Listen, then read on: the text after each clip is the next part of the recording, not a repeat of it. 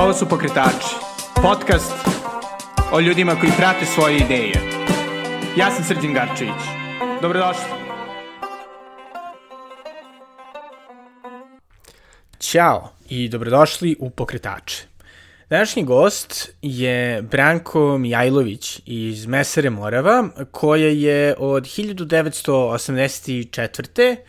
E, kucajuće srce moga susedstva i koje je od 2005. pod e, sposobnom rukom e, mlade generacije Mijajlovića doživela ogromnu ekspanziju, da je postala jedan od redkih mesarskih brendova u Beogradu, ali i u Srbiji. Oni su se skoro proširili i van njihove palilule, to je palilulske pijace, sad su i u Zemunu, e, a naravno prisutni su i na društvenim medijima i takođe su jedan od nezaobilaznih delova beogradske gastroscene. Sa Brankom sam pričao o tome kako izgledalo uopšte e, od mesare napraviti brand, kako e, su izgledali izazovi sa kojima se suočava u situaciji gde ima sve manje i manje e, vremena kod ljudi da se posvete što kvalitetnoj agrikulturi, što nažalost zanatima. Tako da se nadam da će vam se ova priča svideti, meni je bila izrazito draga i to ne svakako u velikoj meri zato što me je podsjetila na vreme kad sam sa svojom nanom išao u Moravu i tamo kupovao i vrlo mi je drago što je neko iz kraja uspeo da se tako profiliše. E, pre nego što čujete Branka, e, hteo bih da vas zamolim da donirate pokretačima, to možete učiniti preko Patreona na adresi patreon.com, kosacrta Belgrade, ili preko Paypala na adresi paypal.me kosacrta s Garcevic. E, naravno, svaka donacija, makoliko mala, a tek velika naravno, ove, će biti vrlo dobrodošla i osigurat će da ovaj projekat može da nastavi da ide. A sada, bez duženja, ovo je Branko Mijajlović iz Mesare Morava. Hvala puno što si prihvatio da budeš gost pokretača. Ovo je e, prvenac, koliko sam shvatio, što mi je izrazito drago. Ove, ovaj, pa kako je zapravo eh, nastavljati jedan porodični zanetski posao koji postoji, tako, od 1984. Da, od 1984. Pa interesantno. Mi smo, mi smo sticam okolnosti nasledili taj posao od našeg pokojnog oca 2005. godine.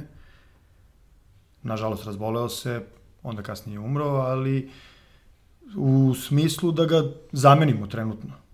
Pošto smo mi imali neke svoje puteve, školovali smo se, hvala Bogu, sva trojca, doduše Miloš je bio još uvek mali, a i kad smo počeli da radimo, to je bilo nekako interesantno, jer bili smo već upućeni u taj mesarski zanat, s obzirom da neki džeparac koji smo dobijali, morali smo od malena nekako i da ga, da ga zaradimo. Tako da smo bili upoznati sa zanatom. A 2005. godine smo krenuli da radimo pa onako, što ja kažem, iz šale. U stvari, ušli smo u tu maloprodajnu radnju na Pavlovskoj pijaci, počeli da, počeli da radimo, počeli da služimo mušterije, vreme je polako prolazilo, otac se nažalost nije vratio da, da nastavi taj posao i u jednom trenutku se postavilo pitanje da li ćemo mi to da radimo ili nećemo. Da li ćemo da zatvorimo lokal, da se vratimo našem putu koji smo već nekako utabali i odlučili smo da u tom trenutku je to bilo jedino rešenje da ostanemo da radimo u nečemu što već postoji i što ima neku tradiciju i ime. Tako da smo, tako da smo polako preuzeli, preuzeli posao e, ne samo u smislu rada, nego u smislu i nabavka kompletne robe, e, financija i onda polagano i sređivanja celog posla i biznisa kroz neko, neko vreme. I to je, i to je vrlo, bilo vrlo interesantno i nama, a i dobili smo dobar uh, odziv kupaca, to jest ti kupci koji su nastavili da dolaze u radnju, nekako su se prijatno iznenadili kada su videli nas kao, kao naslednike Mi smo do duše dosta njih i poznavali kroz objekat kada smo mi dolazili da pomognemo da očistimo, da operamo i tako dalje. I, I to je bilo slatko, ali baš je bilo interesantno i polako se taj posao proširivao. Valjda smo mi bili mladi, interesantni, uslužni, prijatni i to je to je naišlo na dobar, dobar odziv e, klijenata, to je skupaca. Da. A, čisto ovaj, pre, pre nego što nastaviš, čisto ovaj za, za slušalce, koliko ste tačno bili, da kažem, involvirani u poslu pre nego što vam je otac morao da se povuče? Mislim, ili ste se pa, školovali? Od srednje, da od srednje škole, u stvari da. ne. Ono, mi smo, mi smo i, uh, u stvari i u osnovnoj školi smo mi polagano dolazili u, u, u radnju sa ocem, ona se tada dovodio kada, ne znam, ja nešto je morao da odradi van radnog vremena, pa onda smo mi kao deca bili tu pored njega i onda sednemo u auto i dođemo zajedno u radnju, on to odradi, mi tu kao gledamo nešto, sačekamo ga da, da, da on to završi, da idemo dalje, dalje to, ne znam ja, park, eh, sport eh, i tako dalje, nije bitno. I, I bili smo upoznati sa time. E onda, onda smo polako dobili zadatak da li da očistimo pločice, da li da očistimo panj, da li da očistimo izlog, pa normalno to nismo ni znali kako se radi, ali on je bio vrlo strpljiv. Vrlo strpljiv i sve nam je pokazivao. E onda od tog čišćenja, bilo nam interesantno da uzmemo nož u ruke. I hajde da probamo. Pa onda, ne znam, ja upropastiš 10 komada, ali 11 ti uradiš e, kako treba. I to napredovanje, što se tiče samog, samog zanata, nekako čini i, i, i satisfakciju nama koji to, koji to učimo. Ali kažem, to je bilo sve kroz, ne mogu kažem šalu, ali kroz nešto neobavezno. I tako da, sigurno pre nego što smo definitivno preuzeli taj posao i nasledili da ga radimo profesionalno i ozbiljno, bili smo upoznati sa zanatom, znali smo kako se koji komad mesa zove, znali smo šta znači mesarstvo, znali smo kako se nabavlja stoka, kako raste stoka i kako se prodaje. Da. I onda ste odlučili da Moravu od vrlo voljene ovaj, lokalne mesare, među osnovu koji su moji roditelji išli, pretvorite u nešto što je ipak malkice drugačije za Beograd. Pa, nekako naš, naš otac je govorio, ovo je mali lokal koji se nalazi na Pavlovskoj pijaci, ali nažalost to je bio stari lokal koji, je, koji nije renoviran 30-40 godina i pre toga. I, i, I uvek je govorio, s obzirom na kupce koji dolaze ovde u naš lokal da kupe meso, svi ti kupci koji ulaze u taj lokal, a i vi koji radite u tom lokalu, morate da napravite od lokala da bude reprezentativan. U smislu da vama se isplati da ga okujete u zlato i da radite u tom lokalu. Znači, uvek je bio nekako, e, ne mogu da kažem ispred svog vremena, ali je hteo da to bude na nekom ozbiljnom nivou, pa čak i tako mali zanatski objekat kao što je bila Morava na Pavlovskoj pijaci. Kad smo mi počeli da radimo, onda smo polako, polako počeli da menjamo sve ono što je bilo ne staro, nego i zastarelo što se tiče samog zanata, počeo prvo klimatizacije, frižidera, održavanja i čuvanja mesa, pa do i najsitnijih detalja kao što su paj na kom se seče meso i do noževa koje svakodnevno koristite, da, da budu dobri, da budu novi, moderni, jer e, sa tim alatom i funkcioniše zanat mnogo, mnogo bolje. I tako da, tako da taj posao polako je počeo da, da, da bude ozbiljniji. I u tom trenutku smo rešili da napravimo da, da kako kupcima, tako i nama bude lepo u objektu. I da se osjećamo bitnim i važnim. Da. Što smo to napravili i kako smo napravili. Ali ja moram da se zahvalim i kupcima, jer oni su nekako najzaslužniji za sve to, jer e, imamo mnogo dobre i najbolje kupce u gradu, da je neko nama dao mogućnost da izaberemo kupce koji će da kupuju kod nas u radnji, mi ne bismo izabrali ovako dobre kupce kao što sada imamo i kao što smo imali tada naravno i sada. Tako da zahvaljujemo se najviše kupcima koji su nas naterali da budemo to što, što jesmo. Da, ali nekako ono, čini mi se da ste još i prije nego što je, jeli pogotovo posle 2020, taj neki ono, zanatski pristup bio valorizovan u, u Srbiji, baš dosta uložili čak i finansijski, ali u sam izgled, izgled lokala, usmo rečeno brand i sve. A opet sa druge strane, već protekli, čini mi se, 30 ili 40 godina, nekako postoji ipak to opadanje zanatskog, što u Srbiji, što uopšte u svetu. Ovaj. Kako se to konkretno osjećalo u, u mesarstvu, pošto ljudi više idu u supermarkete, nekako manje je. Pa, nažalost da, zanati nestaju, ali m, samo kvalitet pobeđuje. Cena nikad nije presudna, opet možete da smanjite portfolio kupaca koji dolaze kod vas, ali ono što uradite dobro i kvalitetno, to bi trebalo i da se naplati. Ne samo da se naplati interijer, e, e, usluga, nego vreme. Vreme koje je, mi svi znamo, i najskuplje, da bi se nešto napravilo takvo kakvo jeste. Na, pričam konkretno o komadu nekog mesa koji sečete, obradite i prezentujete kupcu. Tako da, zanat kao zanat, mi nismo osetili da, da, da gubimo. Mi smo nekako uh, modernizacijom tog zanata vidjeli da dobijamo. I onda je to išlo korak po korak, što kaže step by step, da, da, uh, da dođemo do te mere da možemo, ono što ste vi rekli, finansijski da izdržimo, da napravimo da lokal bude reprezentativan. Što se tiče mesarskog posla, mesarskog zanata i mesarskih uh, radnji u Beogradu. Ali nije to sada, ne kažem ja da, da, da ostali to nisu teli da urade, nego znamo svi na celu našu ekonomsku situaciju, jednostavno nisu mogli.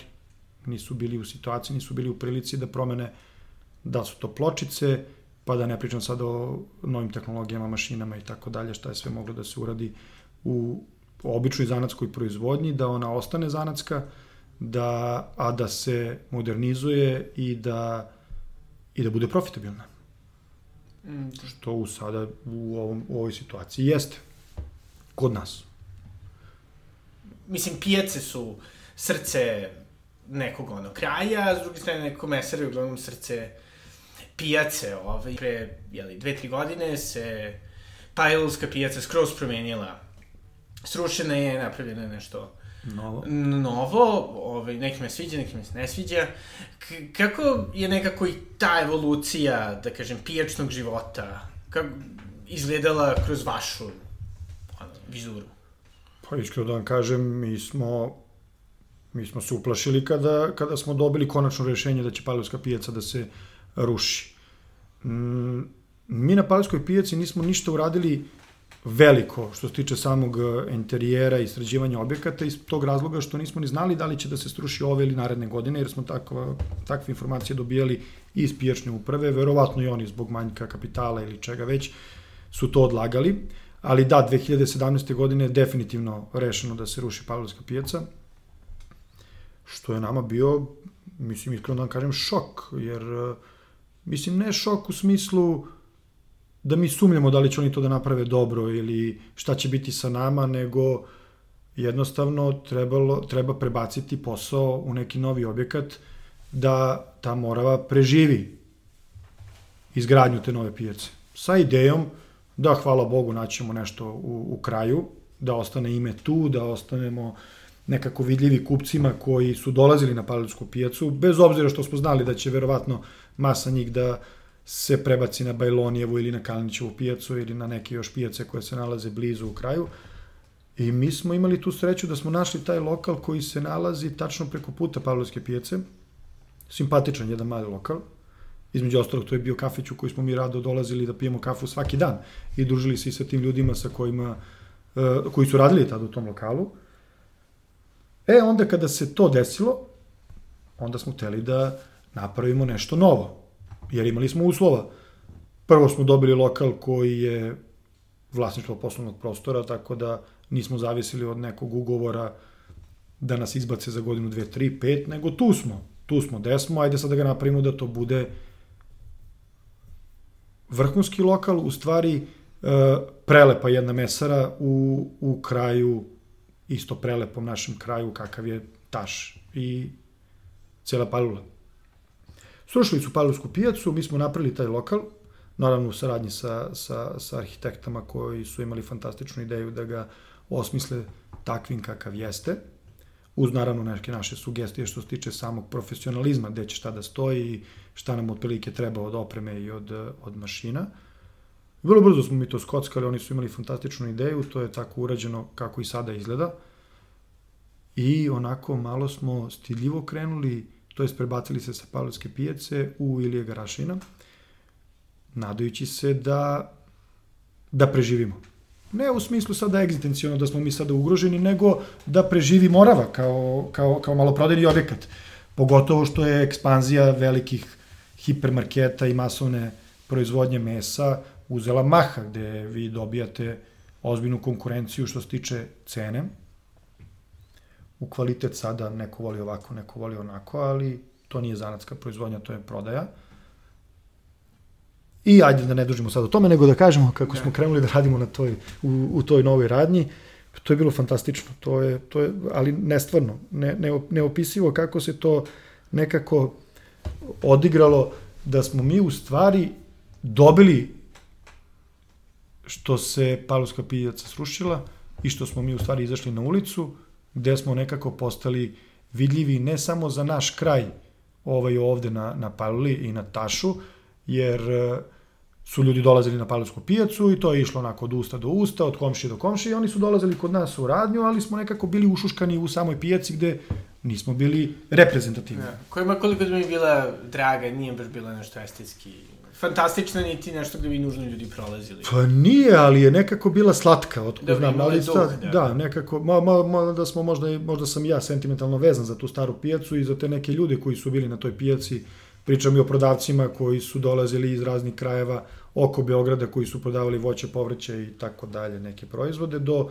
ostalih mesara koji su bili tu i tih starih faca koji su tu radili po 40 godina. Svi su bili nekako interesantni, ali to je taj duh pijace koji, koji postoji svuda, ne samo kod nas. Ali, kažem vam, to kad smo prešli u Ilije Grašina, nekako smo postali vidljivi, plus sa tim dizajnom i sa, i sa a moram da vam ispričam i za, za uh, naš logo, što se tiče bika, kako je nastao. To smo imali jedno, naravno, ako mogu da napravim. Naravno, naravno. Da. Tu smo, tu smo imali jednog našeg komšiju koji je dolazio kod nas i kupovao je meso i mnogo fin gospodin, ali nažalost zaboravio sam kako se zove. I on je nas stalno terao da napravimo neki reklamni materijal za našu radnju i da to podelimo našim kupcima za novu godinu i za, i za, i za Božić, što mi u tom trenutku ne da nismo hteli, nego nije ni bilo iskreno mogućnosti da se tako nešto uradi i u stvari nismo ni znali što znači marketing. I ja sam pristao, ja sam pristao da to, da to uradimo jedne godine, to je bilo 2006. U stvari odmah posle smo mi počeli da radimo ali mi je bilo e, bitno da, da, da imamo neki prepoznatljiv znak na tom kalendaru, da li je to stoni kalendar ili zimni kalendar, da, da, da, da se nekako zna da je to mesara, ali da bude simpatično. I isključivo smo tražili, to jest ja sam tražio da to bude glava bika, ali da ne bude Chicago Bulls glava bika, nego da bude neka, kao što i sada izgleda. Da, da. I čovek je meni jednostavno dao papir i kaže, napiši mi tvoj paraf moje inicijale BM, Branko Mjarović. I, ja, i dao mi je taj papir i ja sam napisao BM, kako pišem BM. I on je otišao i vratio se na ono posle jednog dana i samo neke linije onako dodo ispravio, proširio rogove i od tog, na primer, najobičnijeg inicijala BM dobili smo glavu bika koju je u stvari on osmislio, ali... Aha! Da. I, i, i, I ja kad sam to vidio, ja sam rekao, to je to. To je ta glava bika koja mi se sviđa i možemo sad da uradimo kalendare. U stvari čovek je imao neku štampariju i bavio se tim Aha, poslom okay. i onda je on to napravio, on je to nije naplatio, malte ne. To je bilo smešno što se tiče financija, ali je bilo interesantno. Mi smo napravili te neke stone kalendare koji, koji su bili isključivo interesantni samo zbog te glave bika. Naravno da smo tu glavu bika prebacili na vrata, pa smo onda tu glavu bika sa vrata prebacili na vizit kartu, pa sa vizit karte smo napravili logo kakav sada postoji. U stvari ništa se nije promenilo, nego samo smo ga osvetlili i tako dalje. I, i, i to, je, to je interesantna priča što se tiče samog loga našeg i, i, i mesare, mesare Morava, gde su stvarno ljudi oduševljeni kada, mislim ja sam danas kada ga vidim oduševljen kako izgleda taj bik još kad se malo proširi pa se postavi na, Da. na, na neku veću dimenziju. Da, zapravo baš sam ono kao i razmišljao da pitam kao pa dobro, kao koju, koju ste agenciju, a vi unajmili da vam to dizajnira i sve. Ali zapravo to baš pokazuje onaj baš fini pijačni duh saradnje, da ste imali mušteriju koja je Jeste, to je, to je, to je, to je, to je, bilo, to je bilo vrlo interesantno. Čovjek je dolazio kod nas. Mnogo mi je žao što ne znam kako se zove, ali mislim da sam ga našao gde radi, tako da, da ću da, da ga čak i pozovem na kafu. Da. A, a tako je nastalo. Mislim, evo, bukvalno u minut i po razgovora. Impresivno. Interesantno. Da, a jel osjećate nekako kako sada pijaca promenila, da se nekako promenila i ta atmosfera? Mislim, jel, ono, prisnije, Pa- manje prisno? Pijaca kao pijaca isključivo zavisi od ljudi koji se nalaze na toj pijaci, počeo od prodavaca i, i ljudi koji ponude neku vrstu robe. A sad što se tiče samog dizajna pijace, to ono što ste vi rekli na početku, može nekome da se sviđa, nekome da se ne sviđa, ali pijacu čine ljudi, tako da verovatno će se to menjati kako vreme prolazi, kako e, ljudi malo i više razmišljaju na tome da naprave nešto, neki lep kutak gde i rade, ne samo da dođu da odrade taj posao, nego da uživaju u tom poslu, pa čak i na pijaci. A ja se nadam, ja verujem u Palovsku pijacu. Kakva god da je, da li ona vama lepa ili meni nije lepa ili obrnuto, ja se nadam da će to biti okej, da ljudi koji budu došli tu da zakupe te lokale ili seljaci koji dođu da prodaju svoje proizvode na tim tezgama, da će da se taj duh e, opet stvori. Opet da probamo da, da, da probamo na toj pijaci da privučemo, privučemo što više mladih ljudi, ali da bismo ih privukli moramo da im ponudimo nešto što je dobro, što je kvalitetno i što je interesantno. E to opet sad zavisi od nas. Dosta zavisi od nas. I ja se nadam, mi ćemo vrlo brzo da otvorimo taj lokal na, na Pavlovskoj pijaci, tako da iskreno se nadam da će taj duh pijace da se da se, pričamo o našoj pijaci Naravno. da se, da se vrati. Da, i čisto ovaj, ako, ako želite da otkrijete e, slušalcima, koji će biti koncept lokala? Neće biti, osim obična mesara ili... Pa to je bilo pitanje koje smo dosta i sebi postavljali kada, kada se završila Pavlovska pijaca, pošto i to se odužilo, trebalo je da se završi za godinu, ne znam, i po dana, pa nije završeno, nego je to, to se prolongiralo. Na kraju, razne priče se pričaju po kraju, pa i u gradu, da to neće biti pijaca, da će to oni da prodaju, da će to da urade ovako, da urade onako i nekako mi smo se, nismo se fokusirali na samu pijacu, s obzirom da taj lokal koji smo napravili na, na ulici je bio fantastičan. Međutim, pijaca se završila, hvala Bogu, mi smo dobili lokal, po pravu prvenstva uh, prečeg zakupa, zato što smo već bili zakupci stari na Pavlovskoj pijaci to se ja njima zahvaljujem. I, I onda je trebalo osmisliti kako i šta napraviti na Pavlovskoj pijaci da bi imalo smisla da smo na istoj lokaciji sa dva lokala. I Pavlovska pijaca je interesantna zato što tu ćemo da probamo da napravimo nešto što postoji u Evropi na svim tim pijacama, a na, kod nas još uvek ne, gde ćete vi moći da dođete da izaberete komad mesa, da ga probate, da ispričamo celu priču o tom komadu mesa, kako je došao tu do, do, tog, do tog stola, normalno uz čašu vina, ili čašu piva, ili ko šta već voli da, da pije, ali da nekako uh, ljude koji dođu na Pavlovsku pijacu zadržimo tu. Da sednu, da pojedu nešto lepo, da im bude lepo, da im bude prijatno, da, da, da se osjećaju komotno, da ne prođu kroz pijacu samo da bi kupili kilo salata ili kilo krušaka, nego da dođu na pijacu, sednu kod nas ili kod nekog od, od naših kolega koji tu isto rade, da, da, da popričaju sa svojim komšijom, pa da tek onda polako razmišljaju šta će da kupe. Da kupe i onda opet da se vrate da sede tu. Da im nekako bude kao mesto odmora za, za, za dušu. Da oni mogu da, da, da sve slojeve vide od hvala Bogu, obrazovanih, školovanih ljudi, pa do najobičnijih seljaka koji se bave proizvodnjom tih poljoprivrednih proizvoda, ali da bude taj neki duh zajednički. Znači, ovaj, planirate da, da otvorite ono, pravu pijačnu kafanu, ali ono, za 2021. sa fantastičnim mesom. Pa da, bit će veliki, u stvari najveći akcent će biti na mesu.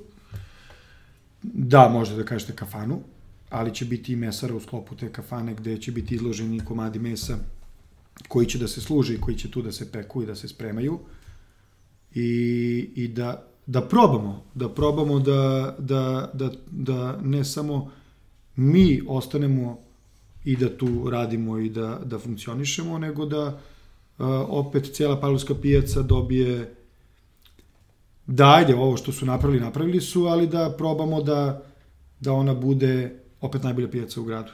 Naravno, naravno, nadam se da će, da će to da se ostvari, ali isto u, u proteklih par godina, kod nas, na svetu dosta duže, nekako čini mi se da su i ovaj, kupci postali s jedne strane možda obrazovani, s druge strane neko bi rekao naporniji i nekako ovaj, postoji sve više i više svesti i o, da kažem, etičkom eh, aspektu mesarstva, a sa druge strane, naravno, sve veći i veći broj trendova u ishrani od ono, keta do sada karnivora i td.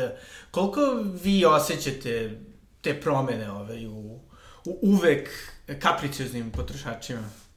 Pa promene se, promene se osjećaju, ali to nas ne pogađa mnogo. Kupac je uvek u pravu i kupac, pogotovo kupac koji zna šta hoće, on samo nam pomogne sa svojim odabirom i, i, i sa onim šta hoće da, da, da ima u svom tanjiru, tako da kupci su genijalni, kupci su, kupci su super, oni, mislim, ne mogu da kažem, nikad nam nisu bili naporni kupci. Da. Hvala Bogu, internet je čudo, sve više i više putujemo i mi odavde iz Srbije, što je dobro. Tako da dobijamo dosta dobrih ideja od naših kupaca. Da. A kako recimo odlučujete baš sada, recimo poznati ste po super Angus burgerima, kako odlučujete šta ćete od tih kupa, da kažem, ideja kupaca da uvrstite u Sve. program? Šta god dođe kupac i traži kod nas, mi to odmah hoćemo da uvrstimo u naš program. Da li je to taj Angus burger ili je, ne znam ja, komad eh, mesa od paufleka koji se zove flank, pa da li ćemo njega da ubacimo, kad dođe kupac i kaže hoću flank steak, mi ga napravimo.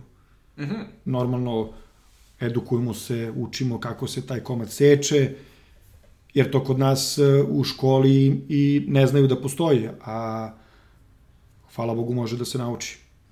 Tako da su nas kupci edukovali, oni su nas e, učili.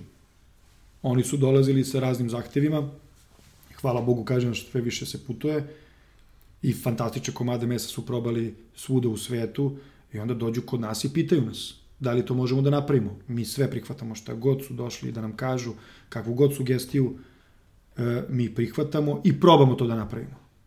I onda ponudimo. E sada, nekome se svidi, nekome se ne svidi, hvala Bogu, većini se sviđa.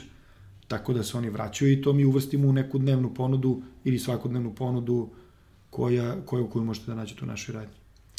Da, a nekako, ovaj, isto mi interesuje koliko nalazite da je teško tako inovirati, e, obzirom da, da jeli, vi, vi niste na samom, da kažem, početku ovaj, value chaina, u smislu da. zavisite dosta od uzgajivača. Pa, pa nažalost, nažalost da. E, što se tiče što se tiče same sirovine, to jest mesa, ako ćemo da pričamo o bikovima na primer, ne možemo da utičemo na, na, na kvalitet, možemo da, uti, možemo da zahtevamo kvalitet. Ali što se tiče same ishrane tih životinja, to bi trebalo da se, da se, da se pristupi na, na mnogo ozbiljniji način od strane sistema, od strane od strane, jer ti, ti ljudi koji se bave proizvodnjom tih bikova, nažalost i oni su u takvoj ekonomskoj situaciji kao što je i sve kod nas nekako na klimavim nogama, da, da gledaju kako da, da što pre profitiraju od toga što, što rade, ne u smislu da se oni bogate, nego jednostavno da zavrte taj krug da, da mogu da da mogu da prehrane porodicu. Da. E, sada, uh, opadanjem standarda opada i kvalitet.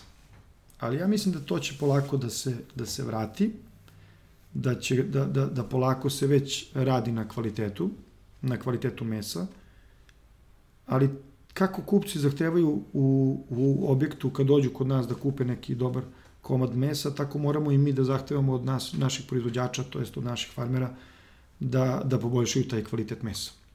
I kako, Kako god znamo imamo. Da. Dosta teško. Dosta teško. Ima dosta njih koji hoće da, da saslušaju, koji hoće da, da isprate celu proceduru, ali je njima isto mnogo teško.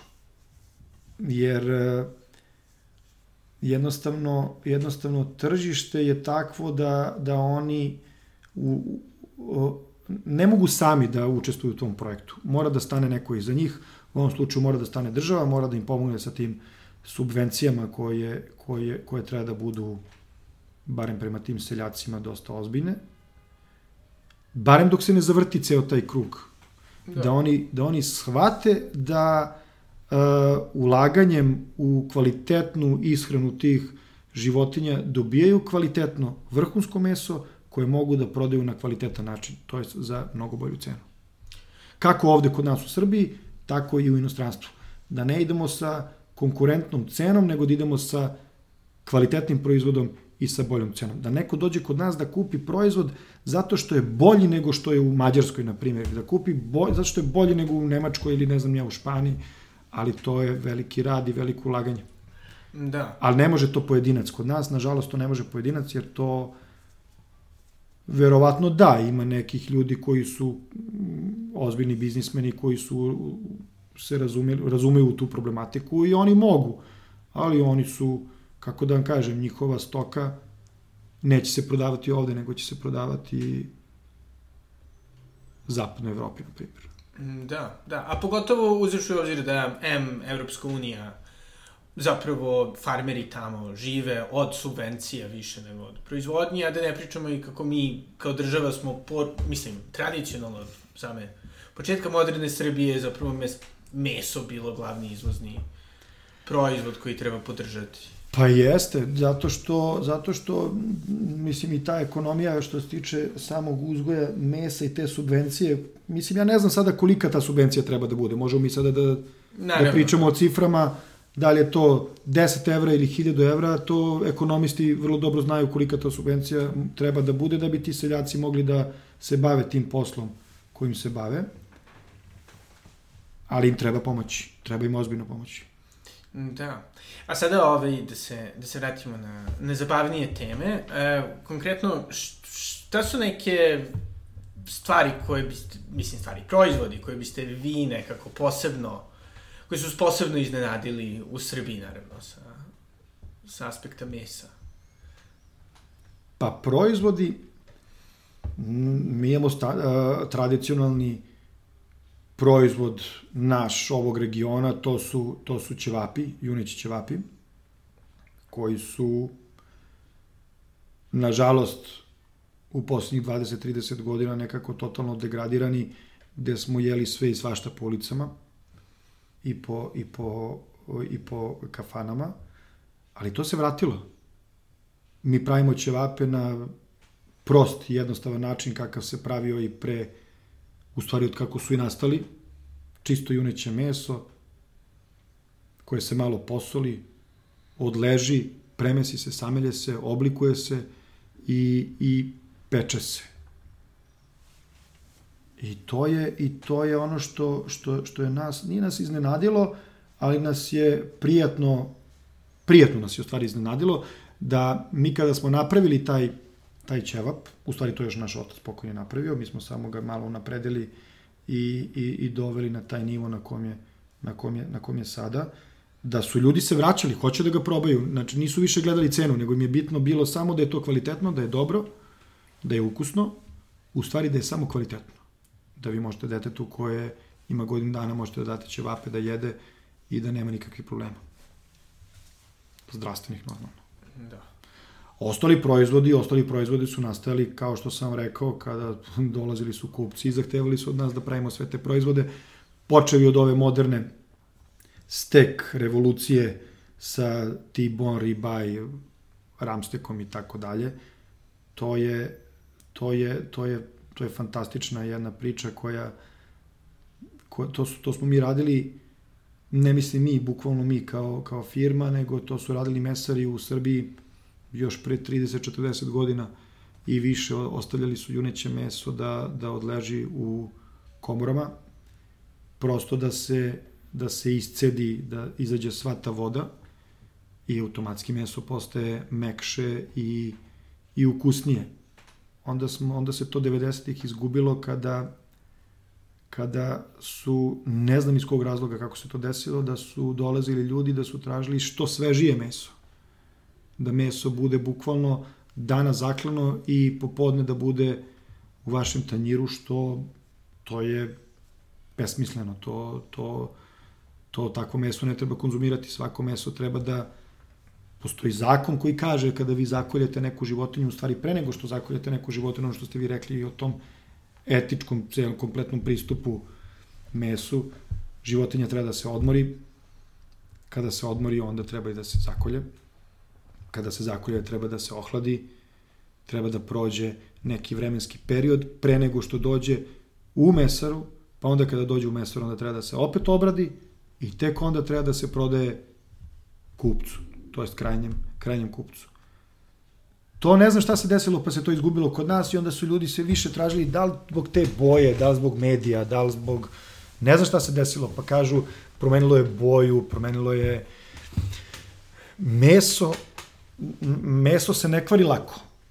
Meso, meso kada se e, pripremi kako treba u klanici i kada se lepo ohladi, meso, meso može da stoji na sobnoj temperaturi ceo dan da mu se, da, da mu se ne dese ništa. Bakterije se razvijaju, ali bakterije kako se razvijaju, tako se vrlo lako uništavaju prilikom pečenja. Ali, ali to se vraća. Između ostalog sa tim stekovima, to smo videli Sada to meso stoji u tim komorama od 30 pa i više i više dana. Ljudi su, ja se sećam kad smo mi prvi put to počeli da iznosimo ispred naših mušterija, mi smo to radili onako reprezentativno da to se vidi, gde su bile face onako, to mi žao što nemamo snimljeno, hmm. ali su bile face onako baš kao joj šta je to, kako će to da jede, kako se to jede, da li se to uopšte jede, da li to ste izneli da bacite. I onda, a, a imali smo našeg Zuju koji je tu komšija, iz Takovske, koji je samo tako meso jeo. On nije hteo da kupuje drugačije meso, sem to odležalo meso koje je stajalo u komori kod nas, kada stigne, ostavimo ga, zaboravimo ga i onda on dođe u nekom periodu posle meseca dana kaže, e, ali gotovo ono moje, ja kažem gotovo je, ajde, onda ga tada mi vadimo to reprezentativno. Ali to smo ga vadili da bi baš u tom trenutku i kupcima pokazali da je to najbolje, da je to najkvalitetnije. Da, bez obzira da li se malo osjeća, da li je pocrnelo, da li je promenilo boju, da u suštini da je to najkvalitetnije meso koje, koje mogu da, da pojedu. I u stvari tako smo ih... E, pričamo našim kupcima koji su dolazili kod nas, koji su to, to, to videli. Mi nismo se marketinški eksponirali što tiče toga. Ali da, i onda se uvek nađe neko ko kaže, e, hoću ja da probam. I tako se stvara lanac i onda su se ljudi vraćali i onda smo i mi napravili posebne komore u kojima od kojima odležava to meso i fantastični su komadi i ljudi su, to je kupci su zadovoljni. Da, to svakako ovaj mogu da, da potvrdim, um, ali isto bih hteo da vas pitam, um, pomenuli ste to kako ste ono, vadili to meso i nekako edukovali jeli, kupce, a sada je ono marketing jeli, postao dosta um, globalni, neki ga ne vole, neki um, samo, nažalost, pogotovo sada kako smo bili zatvoreni, samo tome izloženi. Uh, ove, ali kroz društvene medije i sve, gde ste isto vi vrlo Zastupni. prisutni. Da. Ove, kako ste, kakav vam je odnos prema tome? Kako vam, zašto vam je to toliko bitno? Pa marketing, marketing je bitan. Ma, mislim, verovatno i veliki procenat zarade treba da ide u marketing da biste vi što pre došli do kupca.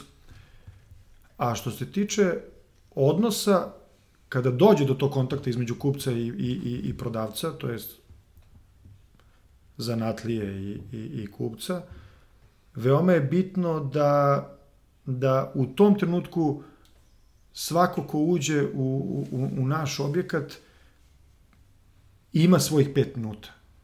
Znači, bez obzira na gužu, bez obzira na, na, Redove, na, na, na red neki koji se ponekad stvara i da, da, da je to njegovih pet minuta, ne mislim bukvalno pet minuta, nego koliko god mu vremena treba, da, da, da se ispriča o svakom komadu mesa sve.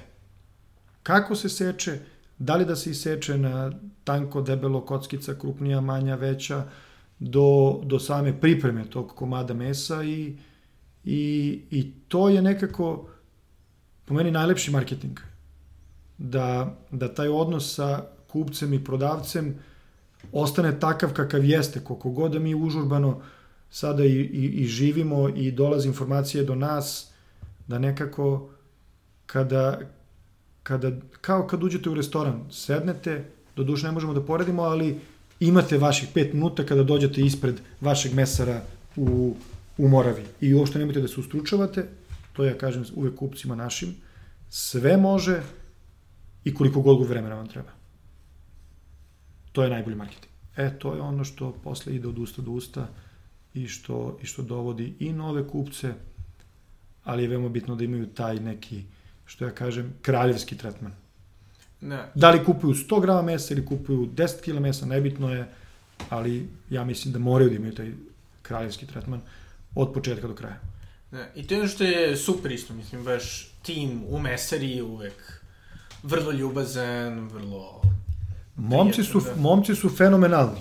Momci su stvarno, kako da kažem, i isto njih da smo, da smo, da smo birali, nekako su oni sami došli do nas i, i, i bili su, prvo su mladi momci, i oni su bili spremni da, da uče. Da, da uče, da slušaju i na kraju imaju tu satisfakciju da kada dođe kupac sutradana koji je kupio kod njega neki komad mesa, da mu kaže, e, hvala ti, baš mi je bilo dobro, baš mi je bilo ukusno, nekako svima njima to prija. I onda se ta ekipa isto nekako napravila da ne kažem ajde sama. Da, da, da, da. da. I kako je izgledalo ovaj, ekspanzija na, e, neki bi rekli prvo, ali mi ćemo nam reći drugu najbolju pijacu u Beogradu, Zemunsku pijacu, kako je? Zemun, Zemun je, Zemun je, pa kako da vam kažem, pojavio se, pojavio se interesantan lokal. A kupci nam dosta zameraju u poslednje vreme što se tiče tog jednog maloprodajnog objekta u Ilija Garašina, pa nam kažu mi dolazimo, ne znam, ja Zemuna, mi dolazimo s Novog Beograda, mi dolazimo sa Banovog brda i raznih krajeva grada. Kaže, trebalo bi, trebalo bi da, da, da otvorite još negde lokal, da, da, da ubrzamo i samu uslugu i to dolaženje iz jednog kraja grada u, u, u drugi da biste kupili komad mesa, to polako postaje maltene i besmisleno, pogotovo u eri Dosta donesi.com i Gulovo i, i ostalih kompanija koje to rade odlično. Ali pojavio se taj lokal u Zemunu, koji je bio onako na prvi pogled jedna ruina koja nije radila 10-15 godina, bila je zatvorena, razrušena, ali je na fantastičnom mestu. Nekako stari Zemun, kod opštine, Viziju smo odmah imali kako, kako to treba da izgleda. U stvari ne mnogo promenjeno u odnosu na ovo što sada imamo, samo opet malo novije. I rekao, ajde da probamo, zašto da ne? Jedan malo prodajni objekat, gde je jedan, tu je još jedan. Aj, pogotovo što je u drugom kraju, u drugom kraju.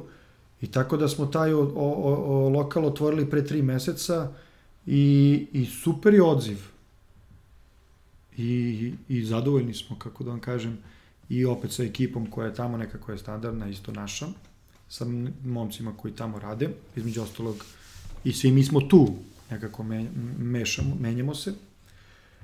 A, I lepo ide. Tako da, nikad se ne zna, možda odemo i na Banovo brdo. A, da napravimo taj trougao. taman, taman, znači, ovaj, ekspanzija na sve strane. I koliko, isto jedna od stvari koja je nekako ono, ja kao kupac koji ono, stoji u redu manje shvatam, ali zapravo vrlo prisutno u Moravi, to je saradnja sa sa raznim restoranima i sad otprilike koliko se često dešava da vam neki novi sa vrlo inovativni restoran u Beogradu priđe i da kaže aha, hteli bismo to, to, to, to i to da nam pripremite. Pa to je isto jedan segment e, našeg poslovanja, gde smo mi okrenuti restoranima i hotelima, kafanama, kako beogradskim, tako i, i, i, i u Srbiji, gde e, i od njih učimo dosta. Gde oni dođu s određenim zahtevom šta žele, kako žele da im se iseče, kako da im se napravi i to nama dosta pomaže u našoj edukaciji i samom našem biznisu, gde onda mi to možemo da ponudimo na našem tržištu, da, da ti restorani i hoteli koji, koji hoće da ubace neki komad mesa koji je za njih interesantan, za njihov meni, mogu da dođu i da kupe kod, kod nas. Da, ali vidite možda ono i, i da kažem, taj neki sekundarni efekt gde ljudi ono odu u neki restoran, svidi im se nešto i onda kao, aha. Da, da, da, to je, to je isto interesantno, dosta, dosta kupaca koji, koji su neki proizvod probali u restoranu i dobili su odgovor da su to nabavili u, u, u Moravi, dođu kod nas i onda nam kažu, e, želim da uzem komad mesa kakav sam pojao u tom i tom restoranu. Da, da. I onda mi to naravno imamo za, za, za te kupce, ali nam je to veoma drago što i ta saradnja sa tim restoranima je na tom nivou da oni kažu gde su meso nabavili, što je veoma bitno. Da. Što je veoma bitno i za tog potrošača, i, i nama kao marketing. Pa naravno, bude, a i za bude... restoran, u krenom slučaju, zato što se vidite nabavljaju od jeli, najboljih ili da znaju što. Pa hvala vam, ali između ostalog da, da. I, i, i to. Da, i, to. I recimo, jedna stvar ovaj, koju nismo još pomenuli, to je ovaj, 2020. i nekako, kako to mora da je baš ono, dosta bio veliki, uslovno rečeno, udar, pošto jeli, restorani nisu radili jedan dobar deo ili radili su u manjem da. obimu.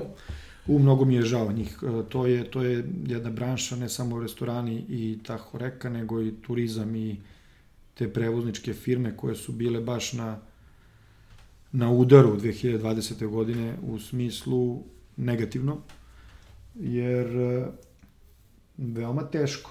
Mi, mi sarađujemo sa dosta, dosta dobrih restorana u, u Beogradu i Srbiji. I, boga mi, na, na ivici su egzistencije. Kako oni sa svojim poslom, tako i naš segment poslovanja što se tiče Horeke, ali ja se nadam da će to vrlo brzo da prođe i da i da će nekako da oni ožive i da, i da ponovo krenu da, da rade kao što su radili pre ovog virusa i, i, i cele situacije koja nas je zadesila. Da, pošto recimo par mojih prijatelja u inostranstvu su se, uslovno rečeno, hvalili, hvala Bogu nisu ovaj, u Horeka segmentu, kako su baš zbog ove krize mogli u svojim lokalnim prodavnicama, supermarketima, da nabave određene mesa koja rani nisu bila dostupne, jer bi ih čisto uzimali restorani, na primjer. Mislim da se konkretno radilo o mesu srnetini ovaj, da. u da. Amsterdamu. Pa, pojavilo se, po, pojavilo se normalno e, automatski kada, kada su oni prestali sa radom, pogotovo kad su bili u totalnom lockdownu, to je kad, kad su bili zatvoreni meseci po dan ili dva koliko je to trajalo, tad su se pojavili viškovi, viškovi i mesa i komada mesa koje je bilo veoma teško naći u, u mesari. Na kao, primjer, da. Kao, na primjer, što su brizle, pa kao tele, jagnjeći kotleti, pa razni komadi koji su bili interesantni za, za, za restorane, a, a niste mogli da ih nađete zbog velike potražnje u, u mesari. Ali mi smo i tu nekako probali da napravimo neku ravnotežu, da, da naši kupci koji dolaze u naš objekat ipak mogu da dobiju i to. Gde smo ipak odvajali za njih. Možda ne u tom trenutku, ali napravimo poručbinu, pa obezbedimo za naredni dan ili za kad se već dogovorimo, ali e, maltene je biznis kao biznis totalno nestao. Malo su, malo ih je spasla ta dostava, ali to je, ja mislim, ono samo da se drže za neku dlačicu koja malo fali da pukne. Da. Pa tako da, ja se nadam da će to uskoro da se promeni.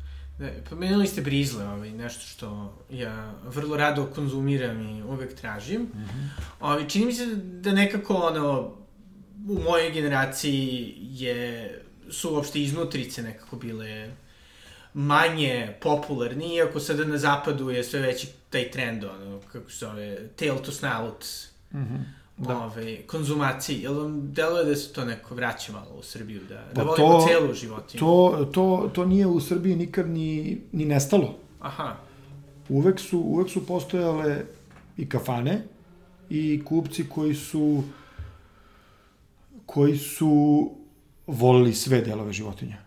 Od brizli, repa, obraza, jetre, jezika, srca, da. jezika i tako dalje. I to su...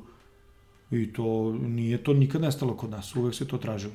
Da. Uvek se to tražilo i uvek je bilo kupaca koji su to kupovali kako za, e, za, svoj, za svoju kuću, to je za privatno, tako i su rado to konzumirali u restoranima. Škembića, na primjer, i, i papaka. To, I to se, to se i dalje dosta dobro pravi kod nas u Srbiji. Te iznutrice i te svinjarije, što ih zovemo. Da, da, da. da. da. I, tako da nema potrebe za neki dodatni, ovaj, da kažem, branding u tome. Ne, ne, ne, to je, to je, to je, to je super. To je, da. to je fenomenalno. Isto ono što je, što je super i čisto bi bilo zanimljivo možda i o tome malo da, da popričate, to je zato što vrlo često je moguće vas i videti u samoj mesari. Koliko mislite da je bitno nekako ne voditi ceo posao nekako baš skroz iz, da kažem, back office. Back office da.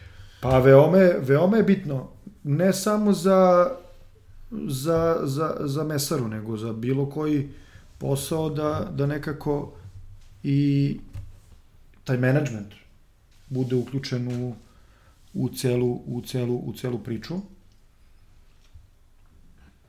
Mi obožavamo i moja braća i ja obožavamo da uđemo u mesaru, baš zbog tih kupi, kupaca kakve, kakve imamo, gde vi onda iz prve ruke saznate šta je dobro, šta nije dobro.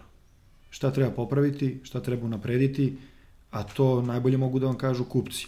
Verovatno i momci koji tu rade i oni bi to i oni prihvate sve te sugestije koje, koje, koje kupci daju, ali naravno, svi mi imamo svoje obaveze, svi imamo neke svoje prioritete, tako da ne kažem da oni to neće da kažu, nego jednostavno zaborave. Zaborave, neki dosta puta kažu, u, ali neki put i zaborave. I onda zato se mi krećemo kroz te lokale, i Marko i Miloš, da imamo taj direktan odnos sa, sa, sa kupcima. I normalno da ih pozdravimo i da im se zahvalimo za to što dolaze i kupuju kod nas e, meso sve ove godine. Da. da. I isto ovaj baš ste pomenuli vašu braću. Ovaj. Kako je voditi posao kao porodica? Ono, mislim... Pa fantastično. Znate kako, možete da odete na odmor kad hoćete, možete, mo, možete da odete na odmor kad hoćete, tu je uvek neko koji je u, u, u, u mesari, u firmi da, da vas zameni. Nekako poverenje je, ne kažem da poverenje je generalno u firmi veoma veliko i prema svim zaposlenima i, i, prema, i prema braći, ali uvek je da, da uvek je i bolje da više glava vodi računa o, o, o nečemu nego samo jedno. Da, ili planirate već ove, za kao sledeće generacije da ih obrazujete i uvedete u posao? Pa to ne sam da vam garantujem, ali zašto da ne?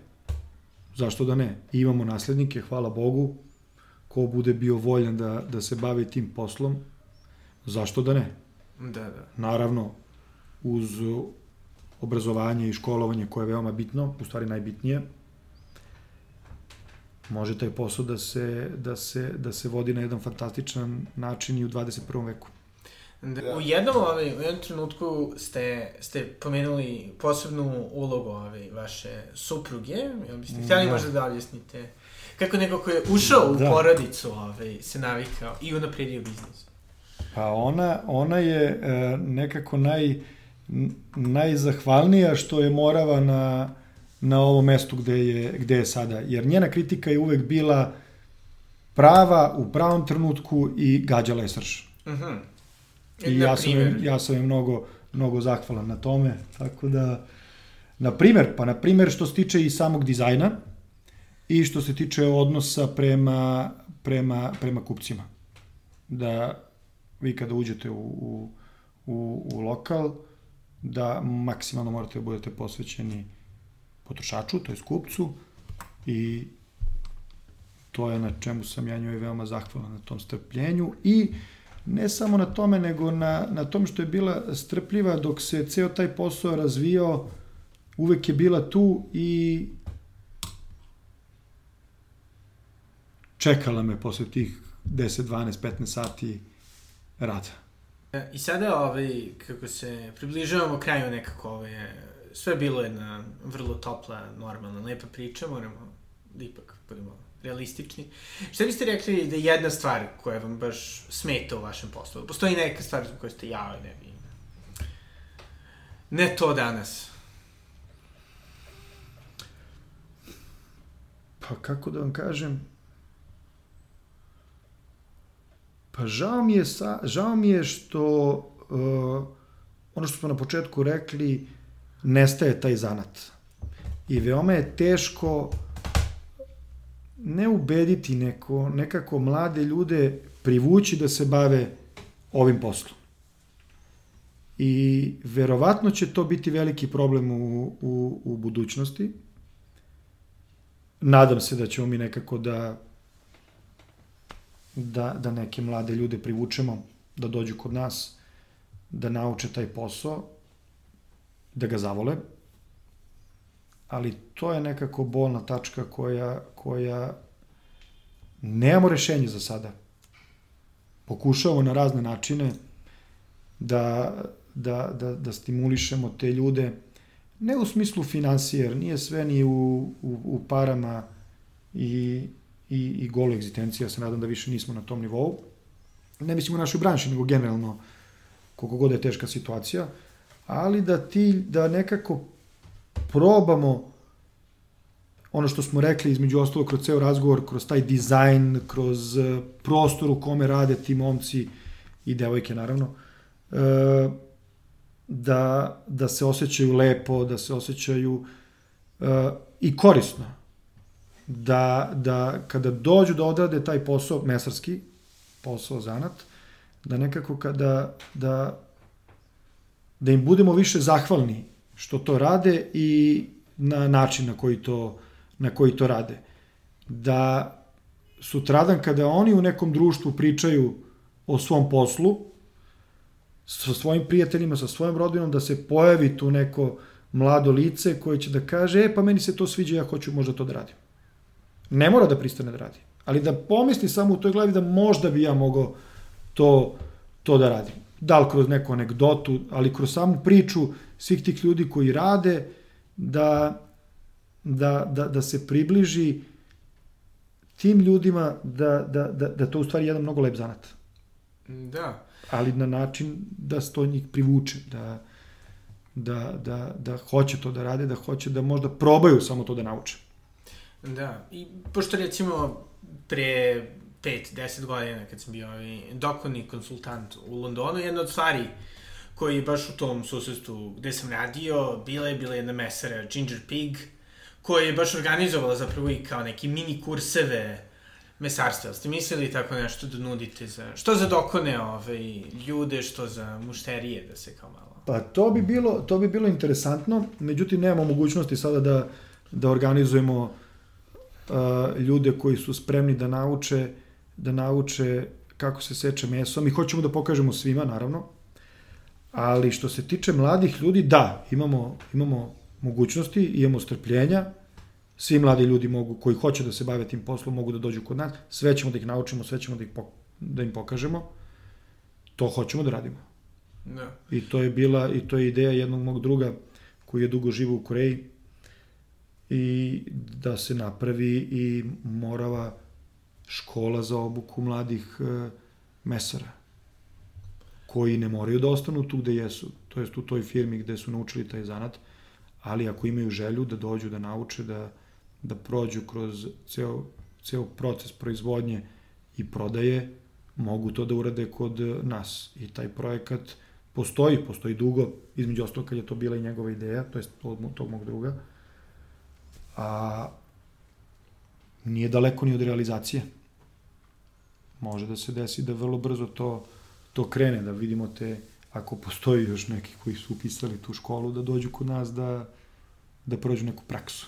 2021. u nekim aspektima je kao 1984. možda na Jugoslaviji ili kod Orvela, ove, gde biste nekako voleli da za šta 20 37 godina, dobro, ove, pa nećemo preterujemo sada, nećemo valjda da, da idemo toliko, toliko daleko, ali što se tiče samog uh, mesarskog zanata, bit će on prisutan uvek to bez, bez daljnjeg. Neće on, neće on nikada se ugasi, neće on da nestane. Biće prisutan. Čak, čak vidimo da je u svetu, nažalost kod nas još nije, ali u svetu je ekspanzija sada mesarstva i, i, i mesarskih usluga. Vidimo kroz razne restorane i kroz uh, veoma poznate restorane da se uvek provlači neki mesar koji tamo nešto seče, radi, obrađuje i to na fantastičan način i to ima u svetu veliku kako da nazovem to marketinšku sliku celog zanata. Da, pa recimo oni gospodini iz Turske, ali oni Salt Da, ili... Nusred, da, da, pa onda ima ih, ima ih dosta. Tako da, nikad se ne zna. Ja, neće, ne, neće nestati, sigurno će postojati, bit će tu prisutan. Ja se nadam da ćemo mi da uđemo u to kolo sa, sa svetom, da budemo konkurentni, da budemo interesantni i da napravimo nešto, nešto novo i drugačije i bolje. Nadam se da hoćemo. Ali ćemo biti prisutni. Da. U budućnosti sigurno. Da.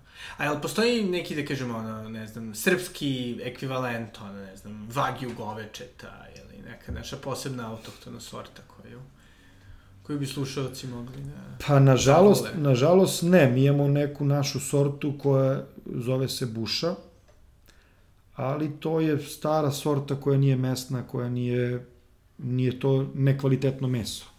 Ali nije dobro za, za manipulaciju sa mesom. Mm. Malo je tvrdo, malo je žilavo i, i, onda, i onda ljudi izbegavaju tu sortu. Ne samo kod nas ali ne moramo mi, mi imamo fantastične uslove da uzgajamo Prasiće, da. Bil, ne, ne, bilo koju Aha. sortu e, bikova iz Evrope, čak i sveta. Od e, vagi, kobe i tako da. Možemo mi to da radimo. Da, da, da. da. da nemamo mi neku našu sada mesnu sortu koja, će, koja je fenomenalna kao što je njihova, ali možemo to da preuzmemo od njih i da možda napravimo još bolje da bude nego što je njihova. Da. Kao što smo uradili sa Simentalcom pre 30 ili ne znam koliko godina koja je došla iz, iz zapadne Evrope kod nas, ali smo napravili fantastično kvalitetno meso od uh, Simentalca. Fantastično. Da. I to je bilo fenomenalno i to se izvozilo na gro. Pričamo o starim, o starim vremenima, mislim starim vremenima, pre, pre onog rata, 90-ih. Da, da, da. Ali dobro, i neko deluje mi da se, makar ono sa našim tradicionalnim prasićima, ipak mangulica nekako ljudi imaju više svesti o tome koliko je ona bitna i... Pa to je, to je, kako da kažem, to je dosta, vrlo je ukusno meso, ali je to dosta masno i... Ali zdrava masna, šalim se. Pa, verovatno sve što je umereno je zdravo, tako da... Mangulica, mangulica pa jeste malo zastupljena više nego što je bila, što je bila pre. I to, drago mi je zbog toga. Tako da, nikad se ne zna, možda i krenemo da izvozimo mangulicu. Ponovo, da, ko da. zna. Da. Hvala, puno li još nešto što biste htjeli da dodate, Bane? Pa hvala vama i veoma sam zahvalan na pozivu i, i nadam se da, da, da ćemo da podignemo mesarstvo na neki veći, to jest viši nivo, izvinjavam se. Nadam se, nadam se. Hvala puno. Sve najbolje. I to je bio Branko Mijajlović iz Mesare Morava. E, pre nego što završimo, htio bih da se zahvalim i Vladimiru Zobecu koji je omogućio ovaj intervju. Htio bih da zahvalim i svim svojim mecenama i drugim podržavacima na tome što pokretači i dalje nastavljaju, što mi održavate entuzijazam. I to je to, svakako overite Moravu, Nadam se da vas je ovo zainteresovalo, da ćete više e, obratiti pažnje na koje meso konzumirate, da vas možda inspirisalo da nešto slično i sami pokušate sa nekim porodičnim biznisom. E, ali u svakom slučaju e, hvala puno Banetu na zaista divnom razgovoru. To je to od mene za ovu nedelju. Do sledećeg slušanja. Doviđenja.